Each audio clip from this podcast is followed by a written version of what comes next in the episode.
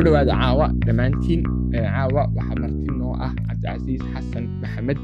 Cabdicasiis waxaan caawa ka soo qabtay halkan waanu iska sheekaysan oo wax aan unscripted ah aan qorshaysnayn balse sheekooyinka qaarkood waxay u qalmaan in la duubo waa qaar ka ballaadhan oo qura inay noqdaan sheeko ka dhexaysa laba qof.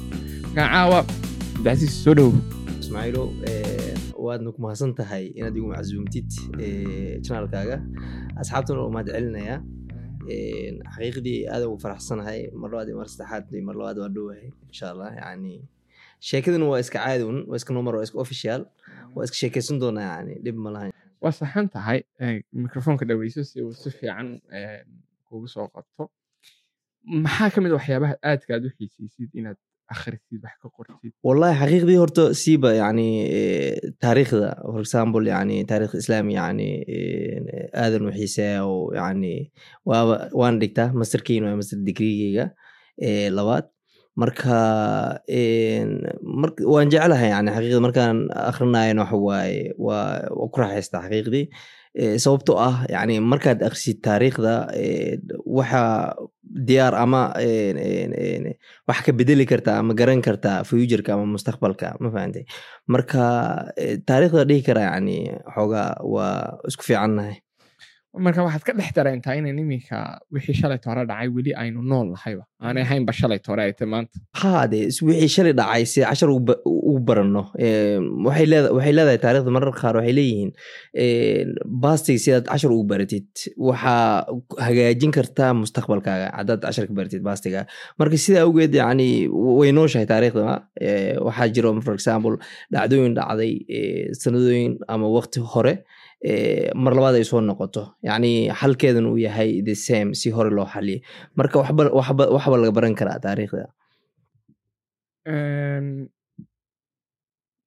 Waxaan u malaynaya maanta waxaad wax ka akrinaysay barbilowgii umuwiyiinta. Umuwiyiinta oo ah dagaal lagu tilmaamo malaha taariikhdeena inuu ka mid yahay dagaalooyinka fitnada ah ee islaamka ka dhex dhacay. Maxaad nooga sheekeyn kartaa bal xaqiiqdii ismaaciilow dagaalada qaar umawiyiinta aan dhaho ama qaabka ayada loo aas aasay waa taariikh ummadda islaamka ama taariikhda islaamka marar qaar is dhihi karno meel madow ay ugu taallaa. Sababtoo ah waxaad arki kartaa dagaalo asxaab isdagaalaya isku soo horjeedo labada qolo tawxiidsanaya waxaan is dhihi kartaa waxyaa la isku dagaalana waxay tahay wax la xallin karo ama ay fududahay. Waxaan ku xusi karnaa for example dagaalkii jamal ama safan cali bin abi talib iyo qaar ka mid ah for example asxaabta ay isku soo horjeesteen. Dagaalada qaarka waxaa ka mid ah for example mucaawiya uu la galay yani cali bin abi talib marka dagaaladii way badnaayeen wax isdilaaynaya ama isdagaalayan waxay ahaayeen asxaab marka waxay leedahay marar qaar waa laga baaqsan karay laakiin way dhacday taariikhdina wax bay ka baratay ummadda islaamka. Waa xanuun. Marka sababta asxaabta caadiya marka inaga waktigeena nool lahay dee waxay noo taagan yihiin heer sare heer ay adag tahay cidda dunida fursad u heshayba taariikhda de adduunka oo ah nebiga caleyhi salatu wasalaam inay arkeenoo la noqdeenba de asxaab ama de la noolaadeenoo haddana iyagii inay isku khilaafaan arrimo siyaasi ah. Ismaaciil waxaan dhihi karnaa nebi sal allahu aleyh wasalam markuu noolaa waxay baa soo degi jiray. Haddii mushkili imaato waxay baa xallin jiray. Khilaafka horta markaa fiirisid wuxuu ka bilaawday nebiga asoo nool oo xanuunsan ayaa markuu xanuunka ka tira batay ayuu wuxuu dirsaday in loo keeno qalin iyo waraaqad. Deni ka bacdi qalinka ay waraaqada wuxuu ka qori doono cid og ma lahan. Ilaa hadda ummadda islaamka qaarkood waxay leeyihiin rawaayad qabri ah haddii loo geyn lahaa muxuu qori lahaa. Khilaafka ugu horeeyba meeshan uu ka bilaawday sababtoo ah meeshan waxaa ka dhalan doono madhab la yiraahdo madhabka shiiciyada marka shiicada waxay aaminsan yihiin haddii qalinka ay waraaqadaas loo geyn lahaa nebiga cali bin abi taalib ayuu weli ahad ahaan ka dhigi khaliifadii haa.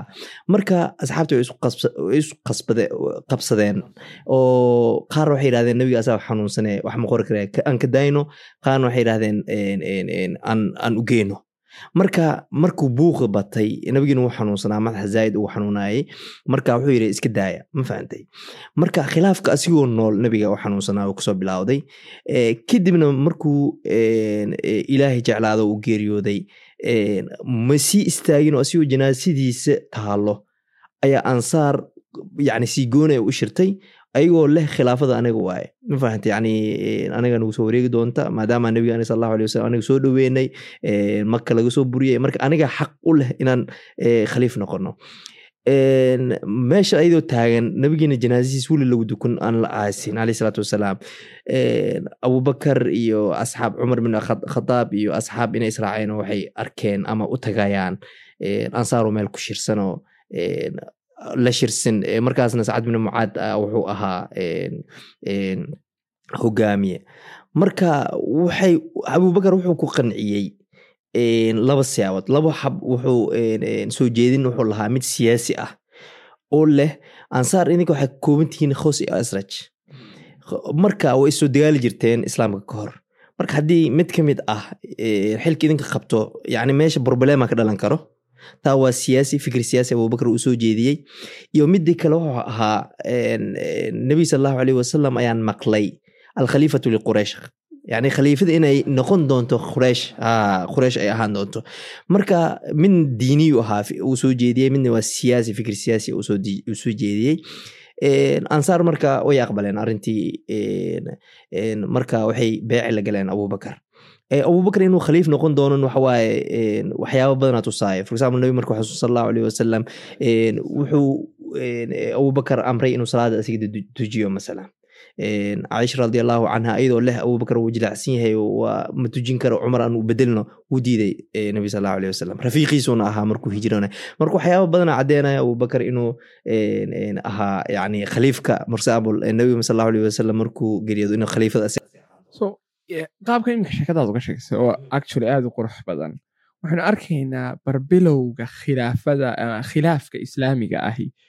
Muu ahay mid bilaabmay markii cusmaan la dili doono wuxuu ahaa rasuulka calayhi salaatu wasalaam xanuunkiisa bay isagoo tahay khilaaf wuu jiray mar walba laakiin arinta cusmaan way ka dugneed kuwa kale marka imaano qaabka wax loo dooranayo ama khaliifka loosoo dooranayo khaliif walba khaliifka ka dambeeya uu ka dugnaa masalan abubakar radiallahu canhu weli axad cumar weli axad ka dhigay. Shuurun uu sameeyey. Ma fahamte cumar wuu ka dugnaa markuu yani isnaftirkii shuur mabay jirin baa doorashiya buuq oo dhan lama gelin cumar ma jirin okay. wuxuu sameeyey shuuro. Then ka bacdin weli axad ahaan wuxuu weli axad ka dhigay cumar ibn khadaab radiallahu canhu ma fahantay marka cusmaan sidoo kale asna qaabkii laga soo dooranaya mar walba qaab kale qaab kale uga dugneed teeda kale ismaaciil markaa fiirisid arinta meesha afarta khaliif. Marka laga reebo abubakar saddexda kale waa la dilay ayadoo yani asxaab tahay yani waxaad arkeysaa meesha yani asagoo nabigii sal allahu alay slam wax yar ka soo muddo yar ka dhiman tahay in dilkii uu noqday wax iska fudud dilde maaha dad yare dil khaliifo weeyaan weyaan ma fahantay yani marka fidnadu waa iska jirtay marka ilaa laga soo gaaro umawiyiinta yani marka asaasitaankooda iyo qaabka loo asaasay iyo ma fahantay marka khilaafka mar walba uu iska taagnaa wuuna jiray ma fahantay yani ka soo bilaabo nabiga sal allahu aleyh wasalam ilaa ka soo gaartid umawiyiinta asxaabti iyo saasay isu khilaafi jireen. Waa interesting. Sababtaa iminka qofka aan iminka san oo dhan aanu garanaynin u yaabaya marka waktigeenan joogo qofku wuxuu ku odhanayaa muslimiintu way jabeen waxayna intaasu dowladood intaasu bahalkiya lakiin markaad iminka aad ogtay in khilaafka haddii la doono yaan la noqonba duwal kala madax banaan sababta dowlad ahaan iyo dad ahaan waa laga yaraa intii la ahaa. In khilaafku rasuulkiiyo noolba caleyh salaatu wasalaam uu imanayey oo ah dee mar ay ku dhoweydba in cirkii iyo dhulkii kala go'ayaan oo ah de waxyigii dhammaadkiisa caleyh salaatu wasalaam rasuulka geeridiisii. Lama yaabaysid markaa in maanta lakala noqdo duwal iyo kala dana iyo ismaaciil waxaa jira mataqaana xadiis nebi sal allahu aleyh wasalam ka sugan oo ahaa ikhtilaafu ummati raxma. In la iskhilaafo fikradda ay kala dugnaato naxariisa ku jirto. Qof walba fikradiisa maya si kasto si kasta markaa fiirsad qofka markuu taasa sunno ah. Qofkan markuu si u fikiraya qof kalena yani fikir kale la yimaado. Yani waxay ha waxay la imaan doontaa yani in ay noqoto bahasha khani ay keento bis yani fikrada ay bataan oo ma fahantay mar waliba nebi sallahu aleyh wasalam nagu dhiirigeliyey ijtihaad waa la yiraahdo marka qofka fikirkiisa ijtihaadka.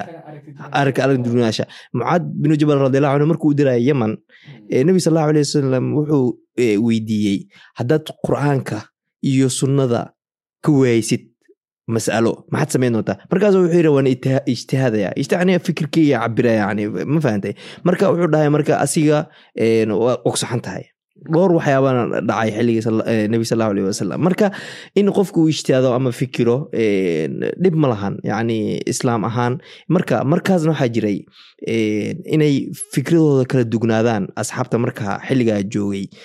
Waxaanu aragnaa raxma.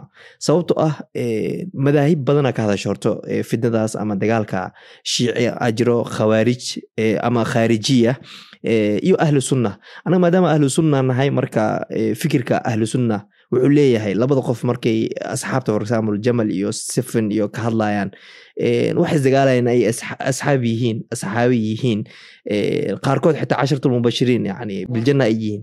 Yani masalan waxaa ka mid ah cali bin abi talib cashartul mubashiriin biljanna waay cabdullahi bin zubeir ka soo horjeeday. Asna yani ma fahanti.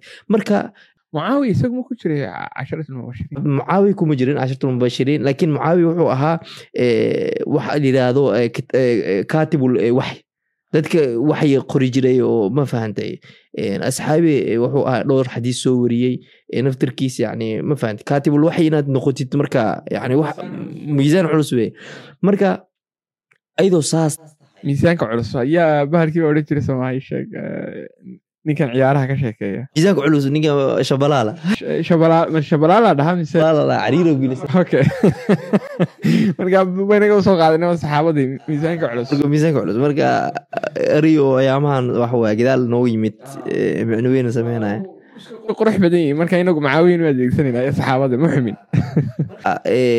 Qaarkood marka waxaa dhihi karnaa labada qofba ama labada dagaalka isdagaalay waxay u socdeen inay ijtihaad sameeyaan. Marka qofkii khaldan waxa waaye hal sawaab u helaa qofkii saxana laba sawaab. Yani ahlu sunna saasay ku soo gaabanayaan sababto ah waa ka hadla haddaad tirahdid adaa dhiiqa galaysado yani ma ka hadli kartid.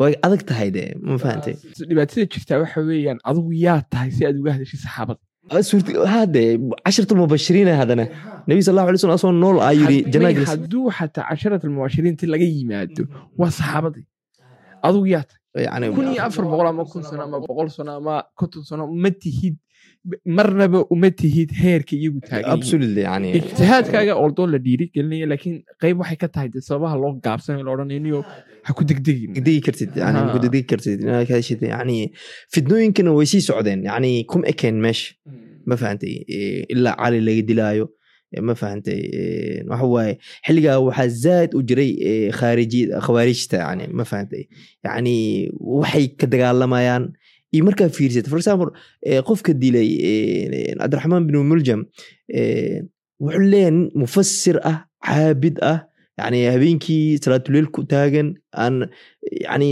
sujuuda dhulka ka qaadeyna marka ayagoo saas ah waxaweye diinta ay ku fogaatay marka asxaab laaynayan marka xilligaasna waxawaaye fitna waxaa jirta oo khawaarijta ah.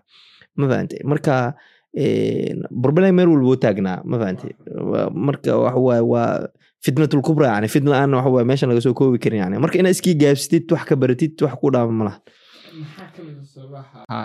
keenay in cusmaan isaga la dilo horta cusmaan dilkii radiallahu canhu siyaasadiisa marka example ka bixino ismaaciilo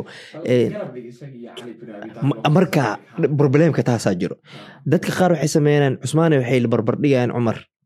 De cumar iyo cusmaan isku siyaasadu noqon karaan. Cumar nin yani ad adagoo meelaha qaar yani meelaha ka taagan ma fahantay marka dad qaar waxay sameeyaan marka xilligii cumar adoo siyaasi oo yani for example cumar ibn khadaab waxaa lihi jiray malaa'igtaba yani way ka dhuumin jireen yani waddada marka aan dhahay malaa'igtan dhihinay shayaadiinta ma fahantay way ka cabsan jireen yani in ad adag oo siyaasi ah oo qawi ah oo fikirkiisa aan la gembinayn oo wixiisa cadi cad yihiin oo waadix ah markii qof saxaabi meeshaas la taagan oo xilka kaaga tago inaad buuxisid oo adkaan doonto yani suurtagalna mama noqonaysa ma fahantay ama dhaliisha way imaan doontaa ma fahantay maala cumar marka xataa laga tago go'aankiisa ama ha khaldanaado ama ha saxsanaado yaa ku dhici karata waa adag tahay waa adag tahay ma fahantay waa adag tahay marka marka sidaa awgeed marka waxay la barbardhigayaan cumar ibn khadaab cuthmaan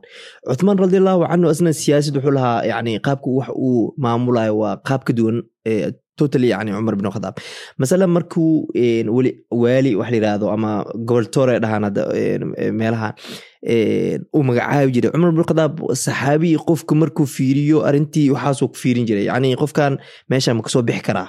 Qof ad miya yani kuufi markuu u diraayo ama basro u diraayo waali u magacaabay wuxuu leeyahay muu qalmaa meeshan ma ku soo bixi karaa ninkan nin ad adag miyahay laakiin cusmaan totally way gudugnaa cusmaan markuu dooranayo yani asiga wuxuu go'aansaday ama u arkay in reer bani umaya uu ka doorto masalan yani kuufa basra meelaha waa tan ayaga marka bilaadu sham ay awood ku yeelanayaan marka banu umaya iyagu halkay ka yimaadeen nin maka degnaan jireen bani umaya markaa fiirisid waa yani abujahal iyo marka waxaa kaloo dhihi kartaa Marka waxa weeyaan laandheerayaasha qoresh waa dhihi kartaa waa tan waxaa kaloo dhihi kartaa waxaad la dagaalamayay kufaaru qoresh markuu leeyahay bani umaya u badnaayeen laandheernimadii kufaarnimadii way wada haystaan labadiiba fiirisid dagaalkii uxud wax uu badan ay ku dhintay waa ayaga ay ahaayeen ma fahantay bederna waa ayaga dartooda ku bilowday oo abu sufyaan waa reer bani umaya nabi sal allahu aleyh wasalam asagoo marka qoloyadii abu sufyaan ahaa inay khaniimeystaan kadib waa tan qureish maktuub u soo qoray dan kabaxlan u soo caabay wax meesha ku dhintay wax nebiga la dagaalamayay waxaas dhan ayaga ahaayeen. Ma fahantay marka waxay waxaan aaminsana aniga maadaama reer bun ay ay laandheere ahaayeen waxay iska jeclaayeen bis nebiga inuu dhankooda ka soo baxo. Dena ka bacdi banu hashim in nebiga ka soo baxo ogaa inay aqbalaan. Way dhibtay un ma fahantay yani marka dena ka bacdina waxa waye ayagu inta u badanna maka furashadii maka ay soo islaamayaanoo dad wax weye oo ku fiican idaarada yani qaabka wax loo manage gareeyo dad zaaid ugu fiican marka qayb bay ka noqon kartaa sababuu cismaan iyaga u doortay way noqon kartaa ha ha sababtoo ah dheernimadii iyagoo ad adag ay dheer tahay inay maamulkiina ku fiican waxay ku siinaysaa xukunkiida inay ku adkeeyaan adiga absolutely xataa waa khabiir yani khibrad marka way khibrad ha yani waa marka si waa marka nabi sal allahu alay wasalam markuu fak ayagoo mar dhaas la soo islaamay waa tan makii furihii loogu dhiibay oo ayaga dhan manage gareynaya xulayo mar yani markaas soo islaamay marka khabiiray u lehayaan ama waan dhihi karnaa yani en- en, wa- dad ku fiican waaye qaabka wax loo manage gareeyo ama loo idaara gareeyo.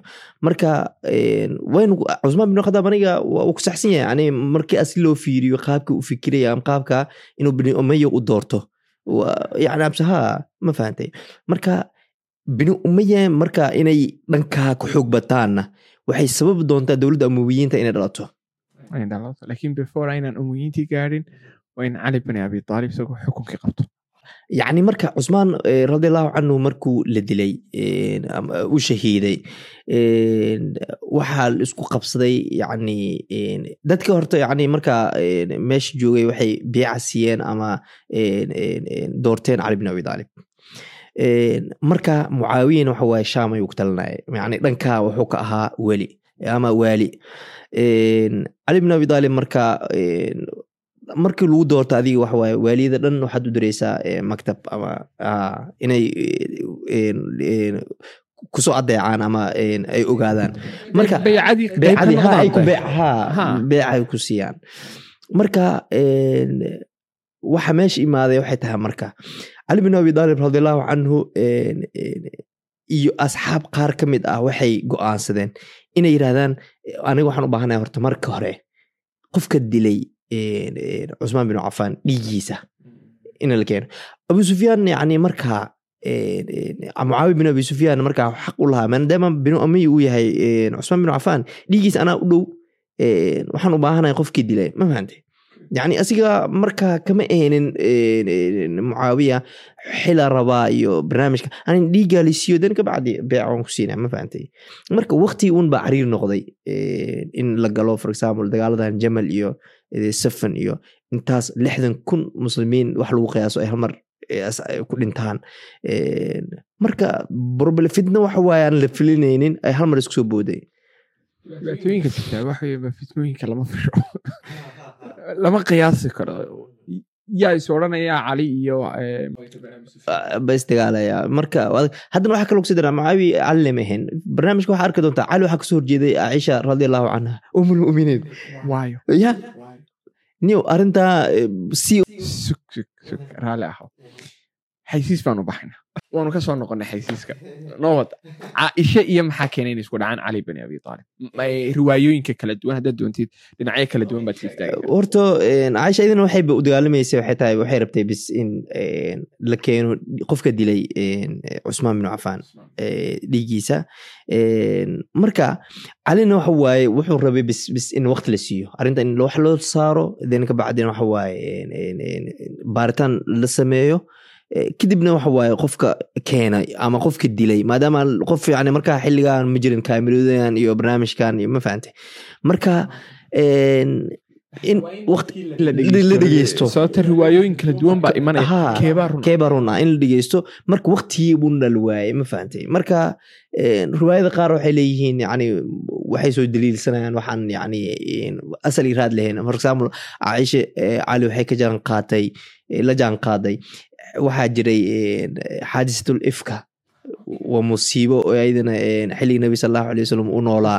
Qofka aan garanay xaadisatul ifki oo kale. Okay xilligan nabi sal allahu alay wasalam ayadoo meel dagaal yaryar oo siriya ah u baxay aa waxaa jiray marka caaisha radiallahu canha meel yar inay ku hurday yacni hurda la tagtay dadkiina waxa waaye iyo asxaabtii iyo nebi sal allahu alay wasalam isku soo laabteen ayadan meesha ku hurday.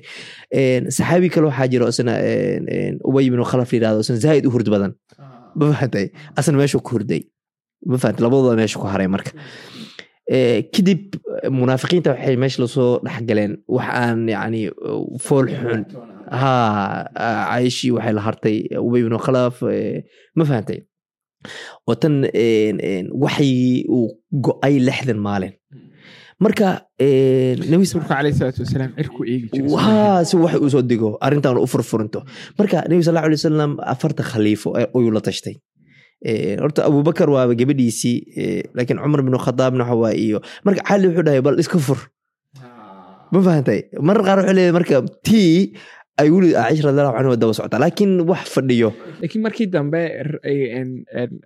niga raali haddii qofina dhegeysanayo aanu dhamaystirka xaadisatul ifka aanu haynin xaadisatul ifk say ku dhamaatay. Waxay ku dhamaatay in suurad dhan loogu magac daray suurat nuur yani laga sheekeenayo marka inay bahal iftire tahay oo aan caaisha radiallahu canhu waxaas reedi ku lahay bere tahay ma fahantay waa tan marka qofka shahaada zuurkana yani sideetan jeera lagu dhufto qofka suurad dhan loogu magac daray suuratu nuur yiraahdo ka sheekeynaysa arrintaa. Marka xaadisatul ifk darteed ayay riwaayooyinkaas markaa sheegayaan in ay caaisha aanay iloobin ay iloobin oo which they aan la caddayn karin imika laakiin riwaayo ah. teeda kalena waxa waaye xadiis waxaabaa jira caaisha radiallahu canhu nebiga markuu nool sal allahu aleyh wasalam uu yiri eh, meel hebla meel ayadoo dagaal u sii socoto xitaa dagaalka yani hal dagaal ay ka qayb gashay dagaalka kale sifin ayadoo u sii socoto meel hebla markaa maqashid meel noocaas noocaan ah tilmaam uu siiyey nebi sal allahu aleyh wasalam wa- wada khaldana ku socota ay soo laabo ma fahantay marka dagaal qaar yani sifin mabagay ku soo qayb gelin ayada wadaday ku soo laabatay ma fahantay Eh, waxyaabaha qaar waxaa jira nabi sal ly slam xadiis ka sugan oo ah inuu yidhaahday eh, camaar binu yaasir waxaad dili doonto koox ama fi'a khaldan. Camaar binu yaasirna wuxuu la jiray cali bin abi daalib dhankiisa ku dhimin doonaa. Marka mar walba cali bin abi daalib waxa ka- ka soo horjeeday riwaayadaha markaa fiirisid inay ay khaldanaayeen. Marka xadiis sax ah oo yani waxaad arkaysaa camaar bin yaasir waxaa lagu dili doonaa si khaldan yani ama koox khaldan. Waa tan cabdullahi ibnu mascuudna waxa markuu camaar ibnu yaasir uu dhintay arrinta xadiiska soo xasuusanaya kadib uu ku soo baxaya dhanka cali ayuu soo wareegi doonaa. Marka cali inuu saxsanaa waxyaabaha wax kaloo caddeynaya nebi sallahu aleyh wasalam asigoo asxaabtiisa la joogo afarta khaliifa siiba ayaa nin waxaa soo maraya ismaaciilow gir leh oo caabid oo yani taqwada ku muuqato. Masaajidka golaya salaado istaagaya. Anigoo kala marka ninka abubakar ayuu nabi sal alay wasalam wuxuu dhiibaya seef kadibna waxau arkaya ninkii oo sujuudsan. Den kabacdi cumar sidoo kale asoo rukuucsan. Kadibna wuxuu dhiibi doona cusmaan sidoo kale. Marka cali seefta markuu qaato oo masaajidka ku tago ninkuu waynaya. Marka nabi sal alay wasalam wuxuu leeyahay ninka haddii dili lahaa fitno ummadeyda maysan arki lahayn made marka nink cali bin abdalib nabigu ku hadlaya wuxuu leeyahy ninka adaa dili doono. Ma fahamtay marka waxyaabaa caddeynaysa cali bin abi daalib inuu waddada sax ku socsanaa asna taasoo xasuustay. Maogtahay ninka awli cali bin daalib dagaal wuxuu ku dili doonaa oo ah nehrawaan la dhahaayo uu la galay khawaarijta uu soo afdeeri doono marka riwaayadooyinku iska tira badan yihiin khilaafkan waxa waaye wujiitamay cali bin abi daalib yani waxa waaye markaa asigoo markaa dagaalka jamal iyo safarna ka guuleystay mucaabi uu socdo ayaa waxa waaye gabar oo khawaarijta ah ayaa waxay keeni doontaa fikrad ah afar qof ay diyaarin doontaa. Mid waxa waaye cali inay u dirto. Midna mucaawiya ma fahantay labadaas ugu muhiimsan inay disho. Den ka bacdi ay tirahdo for example anaa guurs. Mid ka mid cabdiraxmaan bin muljam waxay leedahay guur meerna kaa maro soo dila cali bin abi daalib ma fahantay khawaariji ayna ahayd. Ma fahmino? Marka cali bin abi daalib saas ayuu lagu dilayaa mucaawiyana waxaa gaari doono dhaabac. Waa la sumeyn doonaa. Den ka bacdi waxa waaye mucaawiya wuxuu keeni doontaa fikir ah in qofka markaa khaliifka ah in loo sameeyo horta ilaale the first time marka ay bilaabato waay qof. Awal khaliifada lama ilaalin jirin oo waxay ahaayeen waa markii horeysay xarasilmalik yani qof in ilaalo uu sameeyo ciidanka madaxtooyada mucaawiyu keenay ka mid ah ciidanka madaxtooyada markaa waktigaas buu bilaabmay. Laakiin taariikhda islaamiga ah waxay bilaamatay dilidii cali bani abi aalib iyo marka adii khaliif markii laga soo tago iga yar raale ahaw umowiyiintu marka iyagu way ka dambeeyaan waktigii si rasmiya u bilaamaysa umowiyiinta markaa fiirisid xilliga caliba yani waa la dhihi karaa yani shaam dhan iyaga marka haayay mucaawi bin abi sufyaan aan gacanta ku ka soo fideen. Way soo fideen shaam yani waxaa jiro waxaa kaloo jirta mucaawi waxyaabaha umowiyiinta caawiyey waxaa ka mid ah. Shaam markaa waxaa dignaay qabiil yiraahdo qalb.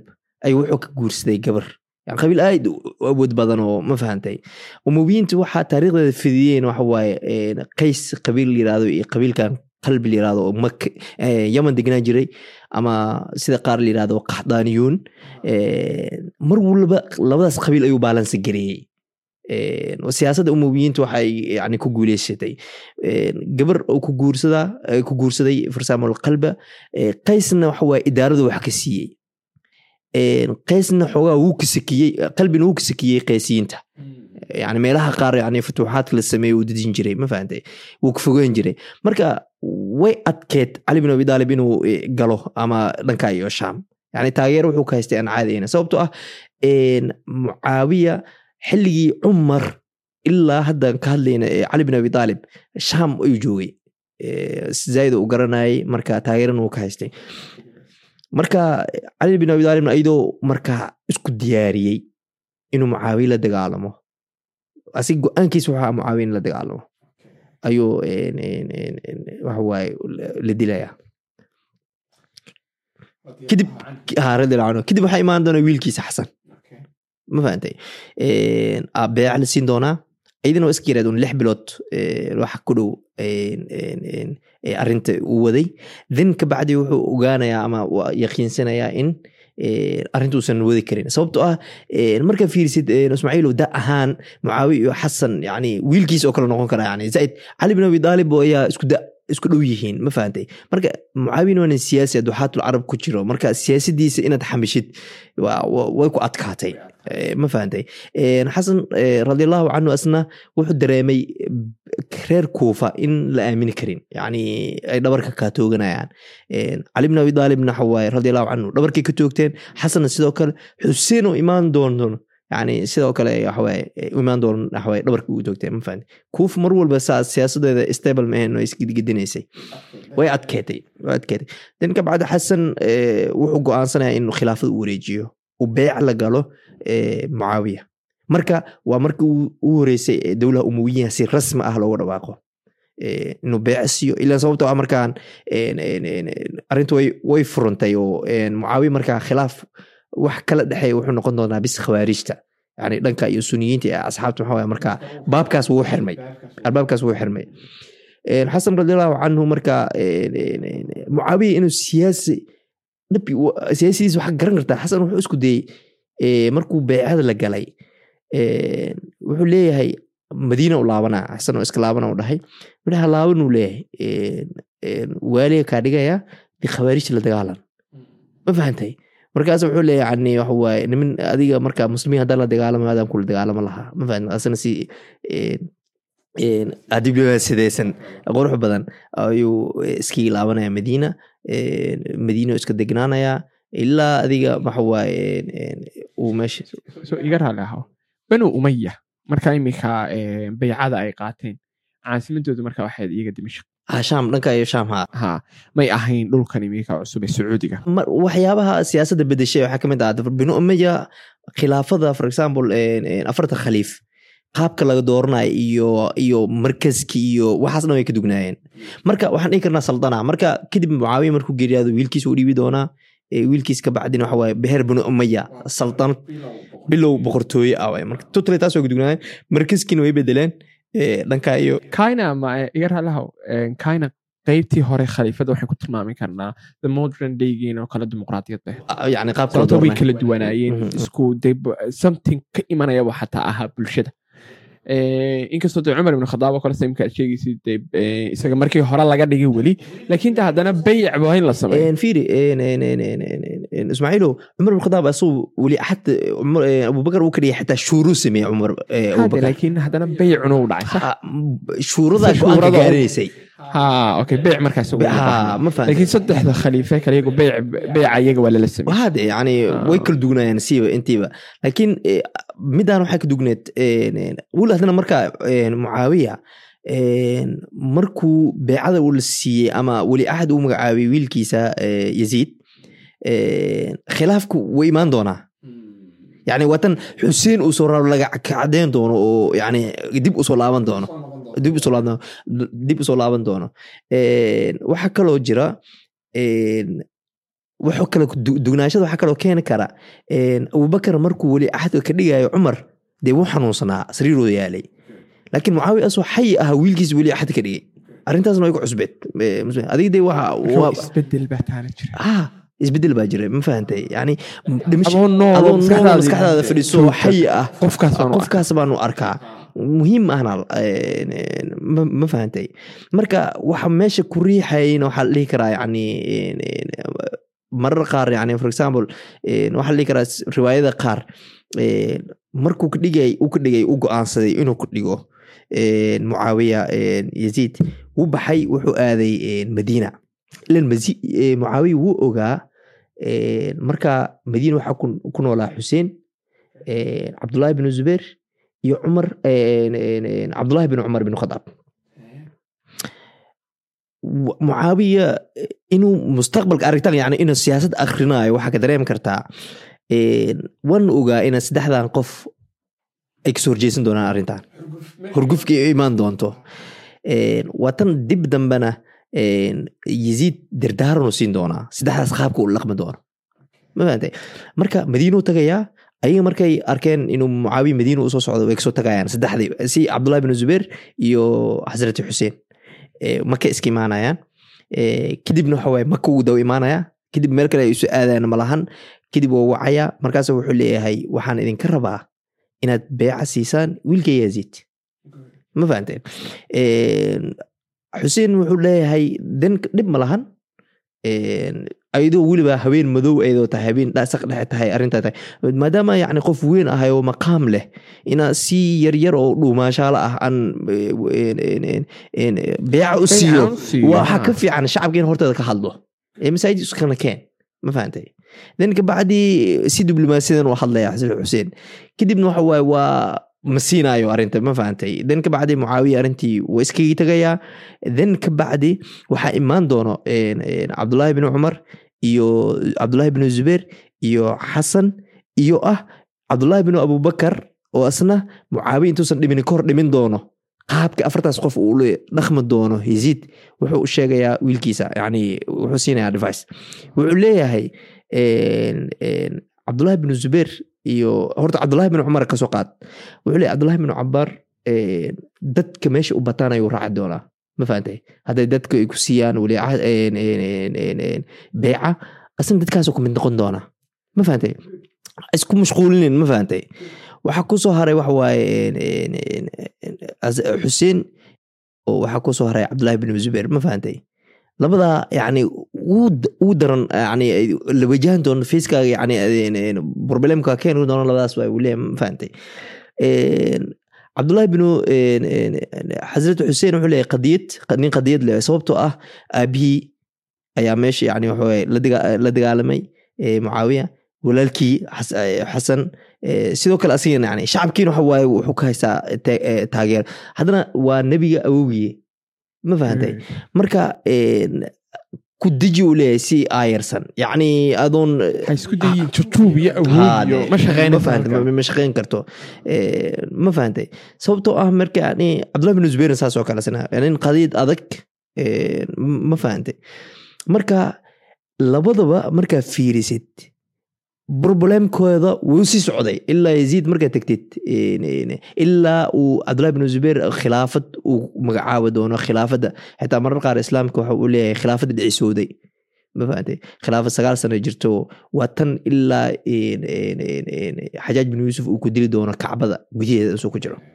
Ma marka arrinta markii saas u dhintay dan ka bacdi yaziid wuxuu maktuub u qorayaa wixii waali ahaa dhan marka meesha taalay ma fahantay marka xuseen iyo cabdullaahi bin zubeir iyo dhammaantooda waxa waaye in wuxuu ka dalbanaya inay beeca siiyaan.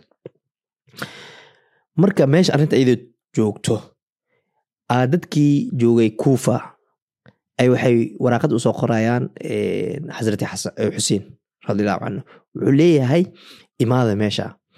Ismaaciilu siyaasadda mucaawiya waxay ahayd haddii for example meeshaan joogno hadda for example aan dhaho basra oo kale uu waali adag uu gudbiyo ama uu diro xukunka shacabka markay buuqi iyo waxaas bilaabaan mid fudud u diraa.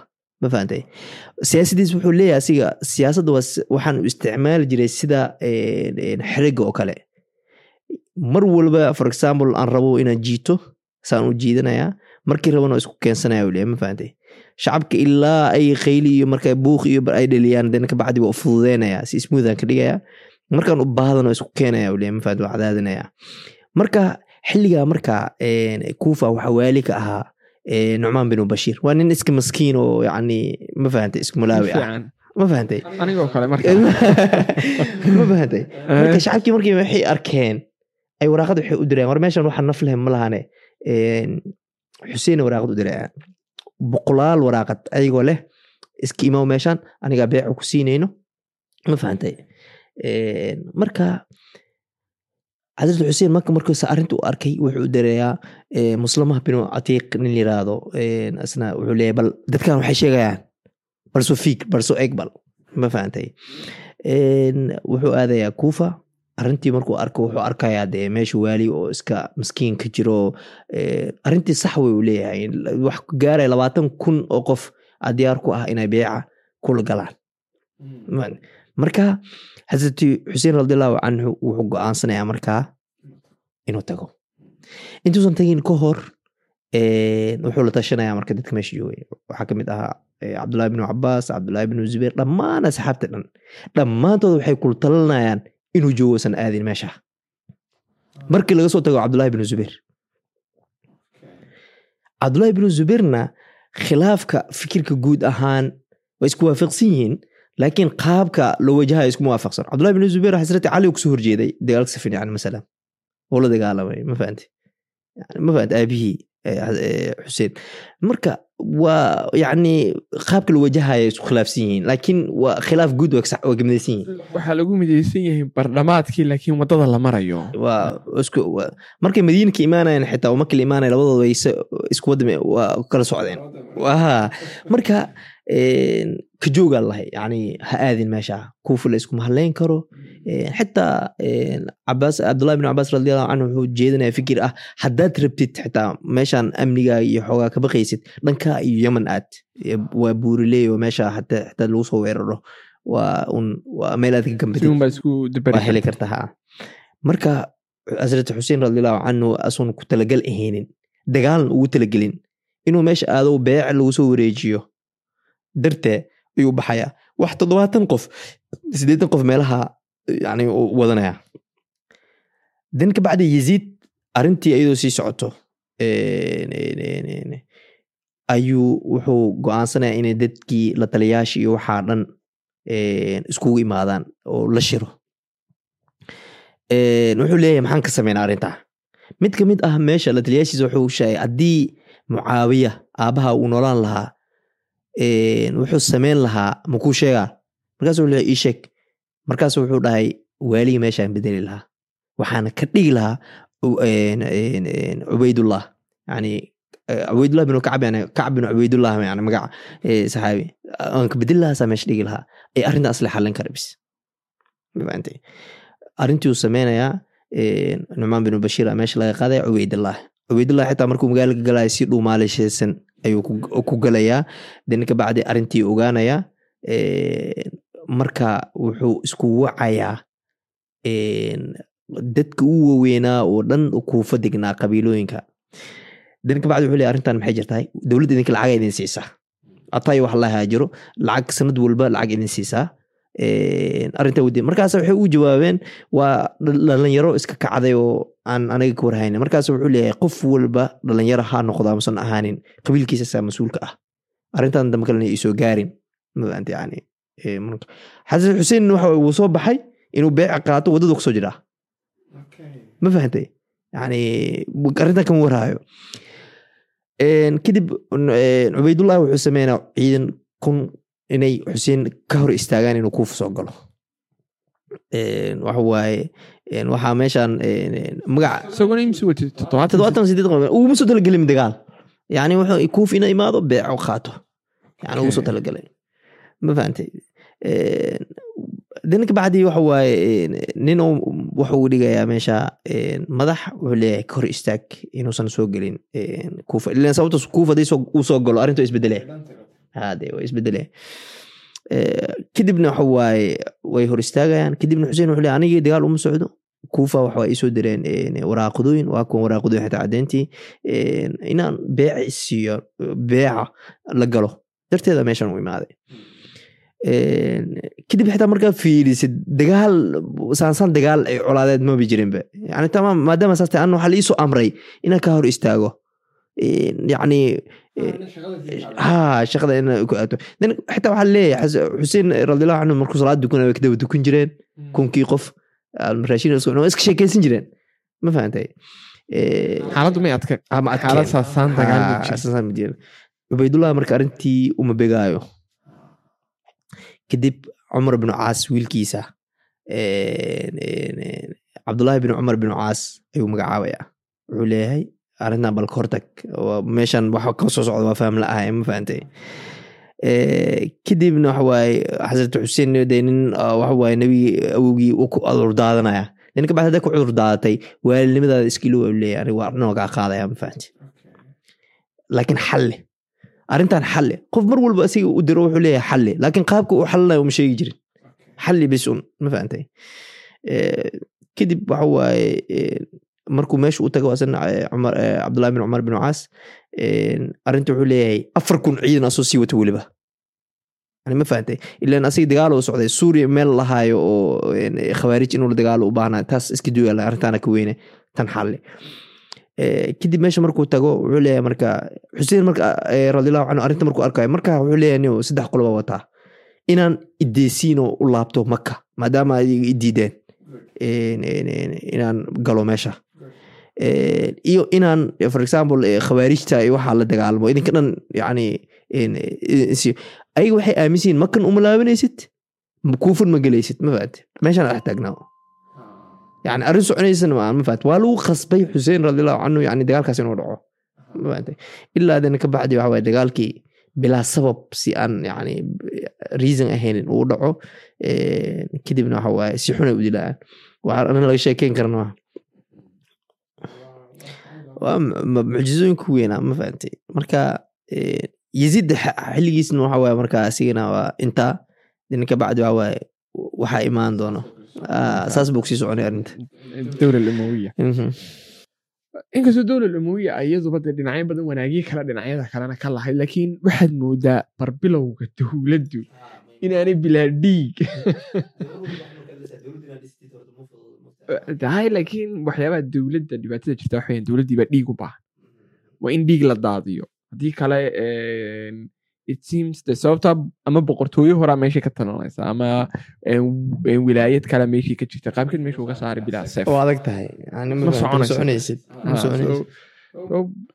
laakiin waa caadi laakiin ha xoogaa waxaan xanuujinaya bis asxaabta islaynayso asxaabta islaynaysa laakiin de umuyiintu dhinaca kalena wanaag kale leeyihiin laakiin barbilowga ama yani waa dowladda u meesha say u bilaaratay dowlad islaam oo ka dambeysa u bilaaratay ma jirto Ha- haddaan khaldanayn umuyiintu waktiga ku ballaadhayn cidda quree ka dhaqsaha badneed waxay haayeen tataarka hama yaha yani tataarka yani Ha, tataarku ilaa intii tataarku de waa kun afar boqol mise kun saddex boqol beh. Mhm, mhm. so shan boqol mise lix boqol oo sannadood kada- kabacdi marka iyagu dhaceen ayaaba eh, dowladdii ugu dhaqsaha badnayd eh, iyaga kadib tataarki ha yani xitaa from ka soo bilaabo from china ilaa ay ka hor imaadeen yani egypt oo dhanka iyo Ha, inkastoo marna iyagu tataarku noqdeen inkastoo een, iga raalaha xaysiis kale waynanu baxna naga raalaada xaysiis baanu baxaynaa waanu ka soo noqonnay xaysiiskii tataarkeena joognay tataarka waxay ku fideen mar quraa china inkastoo de mongolian ay ahayn waxyaabaha khaladka ama taqaantaa jinkis khan mu ahayn tataar tataarka iyo mongoliankii waxa weeyaan like laba qowmiyadood ama laba qabiil oo isku dhigma taariikhdii oo dhan waxa qaatay qoladii magac ahaan hogaamiyaasha yaryarkeed sababta jinkis khan waa mongolian maaha tataar Mhm. laakiin marka iminka laga sheekayna taariikhda waxaa lagu waa odhan tataarka tataarka. yani Ah, hortu yani zaaid u fideen Een, waxa kaloo la dhihi karaa xitaa mataqaana een, ayagu civilizationka wax cad oo aamina. Xitaa markaa fiirin markaa fiirisid waxaa jiro eh, hogaamiye badan oo tataarka ahaa oo soo islaamay. Eh, maalin dhoweyt hore waxaan akhrinay masaajid baa jiray laga furay make- masaajid aan odhan, macbad baa jiray laga furay india macbadku marka marka hore wuxuu masaajid so masaajidka ayaan eegayay sidii masaajid uu ku noqday nin tataarka ka tirsan oo muslimiin ah baa magaalada furtay markuu furtay wuxuu ka dhigay masaajid so waxaan fahm ma fahmin sababtoo ah news buu ahaa magaranta ma fahmin siduu macbadka masaajid uga dhigay inaga diinteena marka islaamka laga hadlayo kanaa'ista iyo xarumaha diimaha si fudud laguma bedelo. Waa inaad lacag ama la iibsado. Waay muxuu u bedelay miyuu iibsaday? May sheegin ma qaab kaluu ku bedelo khalad ah may sheegin so eh, labadii kun iyo shantii labadii kun iyo afartii ayay isku qabsaday macbadkii eh, hindidii oo hinduuga ah iyo en muslimiinta. Marka iminka laakiin macbad ma imika waa masaajid.